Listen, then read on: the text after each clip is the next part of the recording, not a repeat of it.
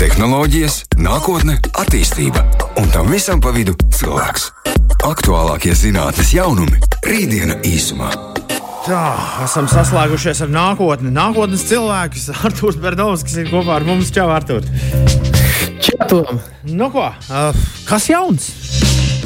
Jā, kas jauns. Un, uh, vispār jaunumi ir ļoti daudz un interesanti. Un, uh, Apskatīsim dažus no tiem, jo atklājumi ir, ir atklājumi, ir pētījumi, ir dažādi, dažādas jaunas teorijas, un viss kaut kas interesants notiek. Un tiešām es teiktu, tādā nu, jāsaka, nākotnes līmenī. Noteikti mums būs šodien tēma par dažādām lietām, kas varētu mainīt nākotni, varbūt pat cilvēci. Iespējams, pat tādā līmenī. Super! Jā, Viena lieta, kas interesanti notiek, vienmēr, ka nu, cilvēks mēģina kaut ko uzbūvēt, balstoties un skatoties, kā tas dabā notiek. Un viena no visām iespaidīgākajām nu, dabas izveidotām nu, lietām vai dabiskām e, veidojumiem, dabiskiem ir smadzenes cilvēku. Un tas ir kaut kas tāds, ko nu, līdz šim nav bijusi izpratne, kā to varētu kopēt. Jo viņas tiešām nu, brīnumainā veidā dara brīnumus. Un, uh, jā, un arī cilvēki šobrīd, zinātnieki, kaut ko šajā virzienā ir pakustējušies uz priekšu. Kā tev to liekas, vai kādreiz vispār kaut kas tāds būs iespējams, vai tomēr mēs, nu, vai vispār jautājums drīzāk liekam, vai tas ir vajadzīgs? Kas? Kas tieši tādā veidā kopēt? kopēt un izveidot uh, mehānismus, uh, kas būtu identiskas smadzeņu darbībām. Principā, nu, jāsaka, robotiem iedod. Bet vai tas nav 3D? Nu, tas nav tā jau nav 3D printera pamatīdēja, nu, tādā augstākajā būtībā. Kā, e... Kad tu vari izprintēt ārā jebko. Izprintēt, jā, bet tieši to pašu darbību, kā šis nu, kā, dators strādā, nu, ieslēdz, izslēdz. Tā kā aptuveni to, ko ieliek, to var dabūt. Mēs taču neko nezinām par smadzenēm. Nu, viens taču nav viņus pat līdz galam izpētījis.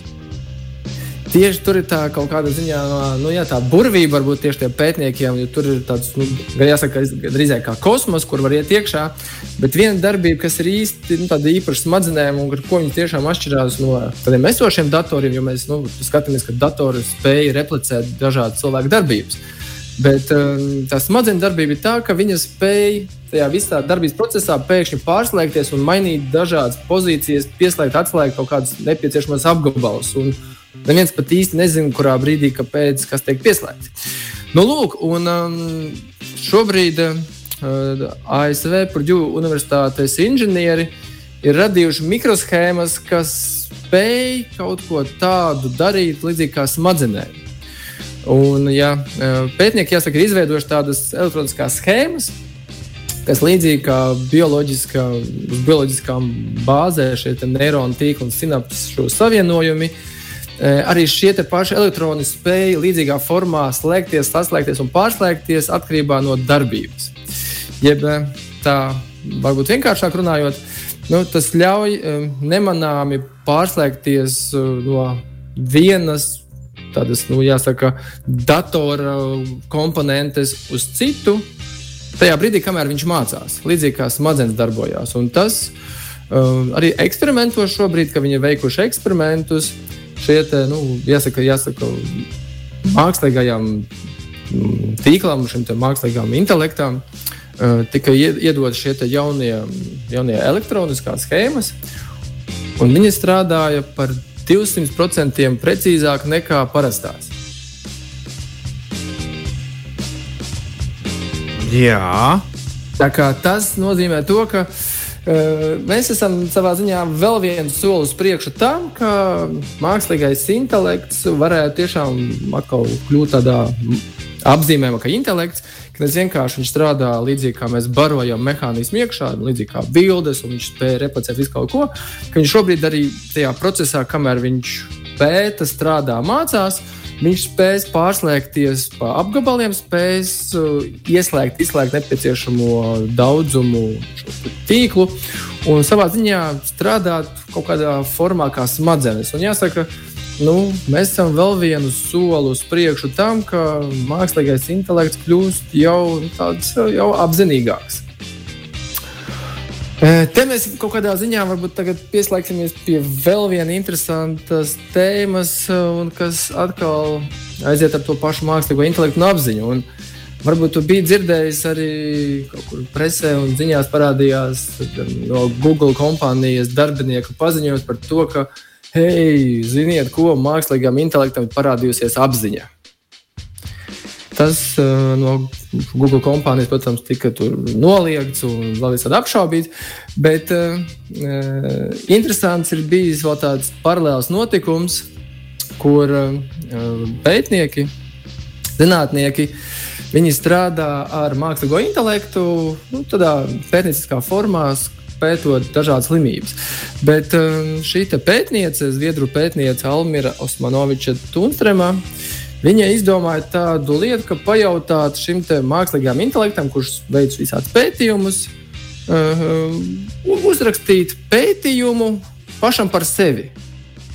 Jo nu, zinātniskie pētījumi sastāv no tāda sistemātiska procesa, kā viņi tiek veidoti. Nu, Nepavēlti mēs daudzus atklājumus, pētījumus un um, vispār mūsu zināšanas balstām uz zinātniskām metodēm. Mēs sakām, ka ja šis ir bijis zinātniski apstiprināts, tad tā ir tā kā, zināmā mērā šobrīd patiesība. Un viņa iedeva uzdevumu šim mākslīgam intelektam uzrakstīt publikāciju, vai jāsaka, jāsaka zinātnisko pētījumu rakstu pašam par sevi. Un interesantākais tas, ka viņš to izdarīja. Viņš to izdarīja patiesībā diezgan labi. Tas ir iesniegts uh, tālāk jau apstiprināšanai. Nu, tas process, kurā iziet šo apstiprinājumu, uh, bieži vien tas saucamais double blind uh, apskats, kurā divi ne, nezinoši iepriekš cilvēki, pētnieki, viņi iziet un pārbauda, tiešām tas viss ir atbilst faktiem. Un šobrīd tajā procesā viss strādā, viss ir un izskatās, ka viņš varbūt arī tiks publicēts. Tajā visā interesants ir divas lietas. Viens tas, ka mākslīgais intelekts savā ziņā spēj aizvietot zinātniekus ļoti kvalitatīvi, jo tur visas atsauces, viss process, viss šis zinātniskā raksta saturs atbilst, kā tam ir jābūt.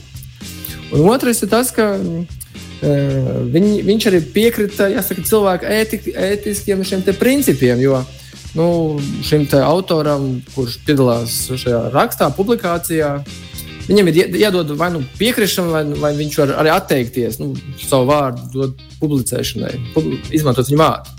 Un tad, lai nu, šī, šis viss atbilstu visiem zinātniskas ētikas principiem, šī pētniece jautāja šim mākslīgam intelektam, kurš, kuram vārds GPT-3, vai tu piekrīti būt par vadošo autoru šim pētījumam?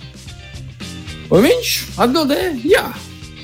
Tā kā, protams, ka varbūt arī kaut kādā ziņā zinātnēs tur pats ir to jautājumu, vai nav atvērta tā saucamā Pandoras lāde, un tagad visi tādi nezināmi brīnumi nāks laukā. Bet jā, šis mākslīgais intelekts arī jāsaka, cilvēciskajā darbā spēj kaut ko darīt, arī ko zinātnieki dara. Un, kas to zina? Varbūt mēs pieslēgsim arī viņus pie zinātniskiem darbībām. Jā, nu, un vēl viens interesants tāds uh, pētījums, atklājums, un jāsaka, varbūt arī pat izgudrojums, kas veidojās. Ir savā ziņā kaut kur man asociējās ar filmām. Tu esi noteikti nemaz redzējis filmas par zombijiem un frankensteiniem. Jā, jā, jā. jā. Protams, protams. Jā, nu, un kaut kas man uzreiz pirmais nāk prātā - zombiju Frankensteina. Jo savā ziņā zinātnieki ir uzbūvējuši vai izveidojuši nu, jāsaka, zirnekļus, zombijus vai zirnekļus Frankensteinus. Un, uh, tas ir tas, ka Teksasas Reizes Universitātes inženieri izdomāja veidu, kā nu, neteiksim, atdzīvināt zir, mirušos zirnekļus, bet uh, nu, jā, padarīt viņus par kustīgiem. Nu, šobrīd viņus dēvē par tādiem soft robotikas, jeb, nu, jāsaka, nekrobotiskiem, nekrobotiem, mirušiem robotiem. Un, uh, Varbūt tie, kas nu, dabā ir redzējuši, ka, kad zirneklis nomirst, viņš parasti starojas tādā čiekurā, viņa tādā, tādā bumbiņā starojās viņa kājas. Jo viņam ir tā mehānika, ka šīs kājas ir, ir darbojas uz šiem hidrauliskām principiem.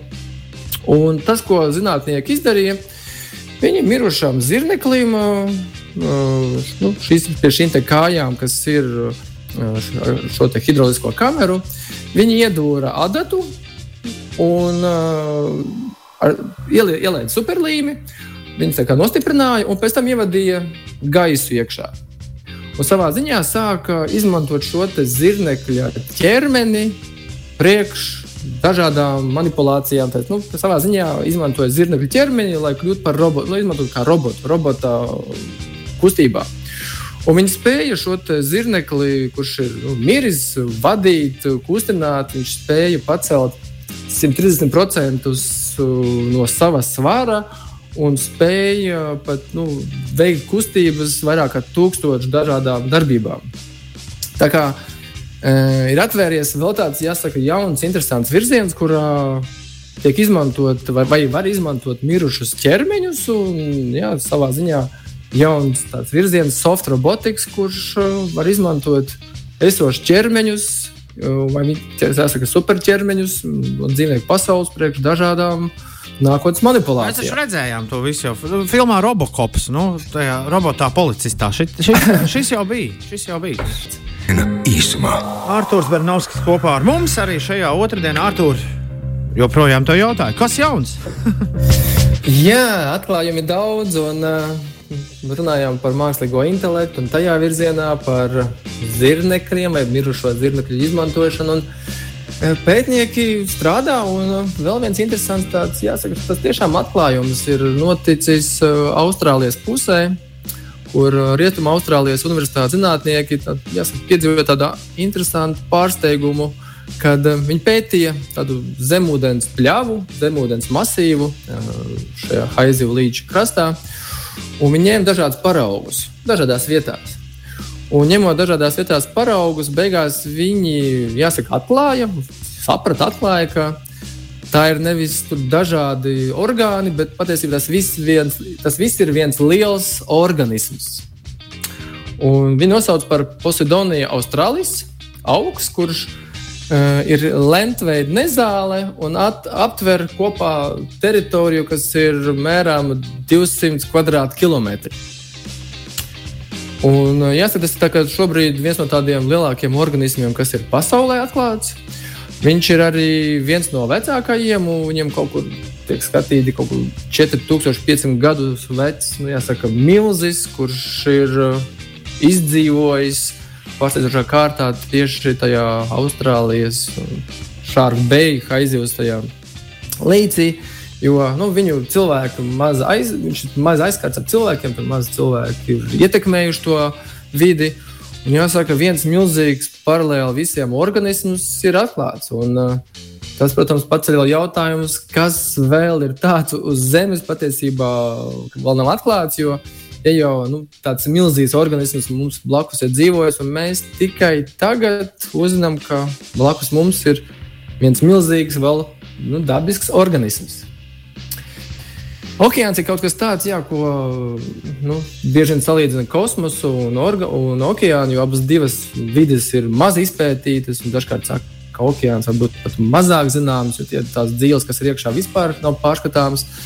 Bet uh, kosmos ir vēl viena lieta, jā, kas uh, tiek pētīts, un noteikti tur ir vēl daudz un dažādu brīnumu. Un uh, vēl viena lieta, kas ir, ir nu, cilvēkiem ir tāda vēlme uzlidot gaisā, redzēt, šis kosmosa turisms attīstās. Ir daudz kompānijas, jāsaka, nu jau kādas piecas, sešas, kuras ar savām raķetēm soli uzlaist gaisā. Bet ir viens jauns uzņēmums, jāsaka, turisma jauns uzņēmums, Space Perspective, kas sola tādā interesantā formā, savādākā formā ļaut apskatīt Zemi no kosmosa. Un, uh, viņi prezentēja savu Space Lounge kaīti, kas būs, uh, nu, jāsaka, tādā vai nu lidojošā balonā, vai cepelīnā, vai kā nosaukt.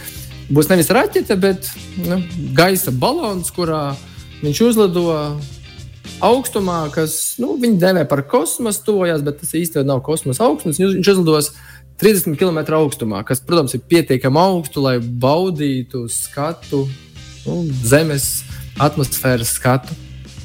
Uh, es nezinu, pašam ir bijusi kādreiz vēl nu kaut kur tādu pamēģināt. Jo, jā, bet līdz šim jau bija tikai iespēja kosmosā, nu, pa īstam braukt, ko laikam neviens nav izdarījis. Tur bija tie demonstrācijas, atceries, bija. Kad pagājušajā gadā ja, tie demonstrācijas lidojumi, un ar to arī viss beidzās. Jā, nu, ir bijuši pāris tā kā saucamie turisti, kas ir ielikuši ļoti milzīgas naudas un tad uh, dabūjuši ekskluzīvās biļetes. Joprojām jā, mēs gaidām, kad būs šis lielo kompāniju. Ja tur var pieslēgt radio ēteru, tad es braucu. Noteikti, varēs arī tiešraidi. Nu, jā, jā, jā, tad, tad, tad, tad ok. Jā, un uh, ar šo te, nu, jauno veidu viņi, viņi sola, ka viņi saka, ka viņi ir šī CO2 jeb ogle, ka visneitrālākais kosmosa kuģis, kurš uzlidos augšā, varēs skatīt. Biļetes gan nav tās lētākās, um, kaut kur pārpa simt tūkstošiem maksāt, nu, līdzīgi arī kā pārējiem šiem konkurentiem vai pakalpojumu sniedzējiem. Bet uh, jā, tas ir interesanti, ka dod, būs iespēja doties līdz 30 km augstumam. Un uh, savā ziņā nu, tas, protams, nebūs tā, tas, ko piedāvās raķetes par dārgākām naudām, jo nu, tā īstā, mm, jāsaka, nu, tā, ko cilvēki devē par to vietu, kad nokļūst līdz kosmosam, nu, ir šie 100 km. Viņi sauc par karmaina līniju. Un tas tā ir tā robeža, ka, nu, ja tu esi 100 km virs zemes, nu, tad tu esi jau kosmosā.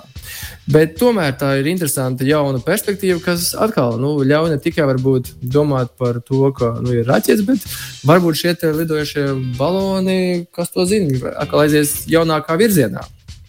Un, Jā, un tad ir vēl viens interesants transports, lidojošais transports, kurš uh, tika nesen demonstrēts. Es teikšu, godīgi, man viņš ļoti patīkami pārsteidz. Jo uh, nu, es redzēju filmu Zvaigžņu kari. Nu, protams, Noteikti. protams, protams, jā. protams. Un Zvaigžņu karos, uh, neatceros, kurās sērijās, bet arī vairākās. Šie te, nu, kosmosa piloti, viņi pa planētām brauc ar tādiem nu, lidojošiem motocikliem kas uzstāties virsū un lido.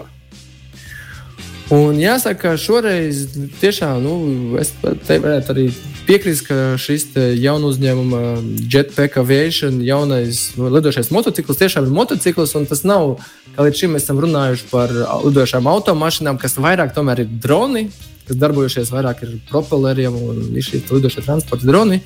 Tad šis tiešām nu, varētu devēt jau par īsto lidojošo motociklu kur šo, nu, šis transporta līdzeklis um, uzstāties virsū, viņam ir astoņi reaktīvie dzinēji.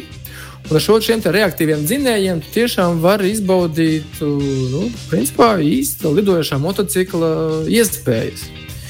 Uh, ir bijušas dažādas iterācijas, un nu, šobrīd, protams, pirmais ir kā prototyps, ko demonstrē, kurš rāda, ka viņš spēj pacelties, lidot un spēj pildīt savas funkcijas, bet tā pēdējā iterācija, kas būs, viņš, šis motociklis spēs pacelt 450 kg svaru, kas nozīmē, ka tur būs noteikti mierīgi arī kādu kopā līdzbraucēju paņemt.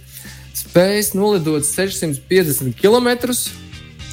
Un pats interesantākais, nu, varbūt arī iespaidīgākais, ka ar šo motociklu varēs sasniegt 800 km/h ātrumu. Uh. Tad pusstundu līdz Tallinai. Jā, nenokavēsi koncerts, nenokavēsi. no, labi. Tikai atkal, yeah. atkal tā ziepka jābūvē kaut kāds speciāls vai ne? Kaut kāda speciāla ieparikta, pa kuru tādu tu vari braukt.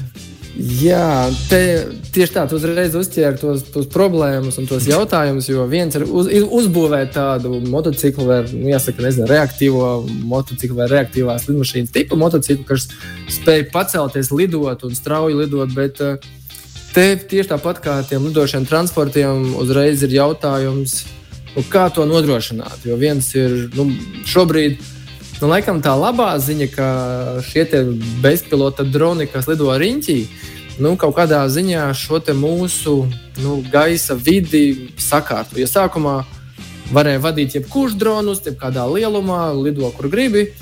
Tad ar laiku tie radīja problēmas un parādījās likumi, normatīvi, kur tu drīkst lidot, kā drīkst lidot, kā iepriekš jāpaziņo. Un uh, noteikti, ka varbūt līdz brīdim, kamēr šie motocikli būs jau kaut kur pieejamāki un gan jau arī finansiāli pieejamāki, tad uh, līdz tam brīdim varētu būt, ka tā vide sakārtosies. Jo Viens, protams, ir, jā, ka mēs varam lidot gaisā, otrs, ko darīt, ja viss lidos, kurš regulēs satiksmi, kādi noteikumi. Tur atkal pa, būs ļoti daudz jautājumu, tā skaitā arī drošība. Jo nu, tādu transporta līdzekli savaldīt, un, nu, ja mēs runājam par šobrīd Latvijā par ātrumu pārkāpumiem, kur nu, šī robeža un sodi tiek eh, stingrāki palikti, tad nu, kurš, nu, kāda būs noteikumi, ja spēs braukt 800 km/h lidojošā motociklu, kurš ir ar re reaktīviem dzinējiem. Labā ziņa, ka viss notiek, ir tehnoloģijas, un um, šajā uzņēmumā ir arī investors, kurš ir investējis arī citās tādās milzīgās tehnoloģiju kompānijas kā Tesla un SpaceX. Un viņš apgalvo, ka, jā, ka šis motociklis ir kaut kas tāds, kas nu, saka, graujoša tehnoloģija, kas izmainīs mūsu ikdienu. Jo tā, pat ja šis motociklis nebūs mūsu ikdiena, tad skaidrs, ka šī te tehnoloģija ir. Un, nu, kas to zina? Varbūt mēs redzēsim kaut kādas citas brīnuma tehnoloģijas, kuras tiks izmantotas vai balstītas uz šo motociklu. Tā kā jā, interesanti notikumi ir, atklājumi ir, pētījumi ir. Nu, un tad uh, Nākamā pirmdiena mums būs interesants raidījums, kurā mums Nākamā otrdiena. Ot, otrdiena. Otrdiena. Pirmdien mēs jā. par ēdienu. Otr, otrdienās ir. Otrdienās, jā. Otradien. Ļoti labs atgādinājums, jā, precizējums. Otradien mums būs jā par, par kosmosu. Un mums būs vietas, viesis, kurā mēs apskatīsim daudzus interesantus jautājumus, jo būs pētnieks, zinātnieks, kurš darbojas tajā jomā. Un, jā, Super. tas noteikti interesanti. Super. Un šīs dienas raidījums gribētu tā kā laikam noslēgt ar tādu rezumējumu, ka kamēr cilvēki fantazē, tikmēr zinātnē arī iet uz priekšu. Nu, kaut, kā, kaut kā tā. Jā, man ļoti labi, ka filmas ir. Vai ne? Vai ne? Uh, paldies, Artur, un tiekamies. Čau! Tā. Čau, čau! Rītdiena īsumā.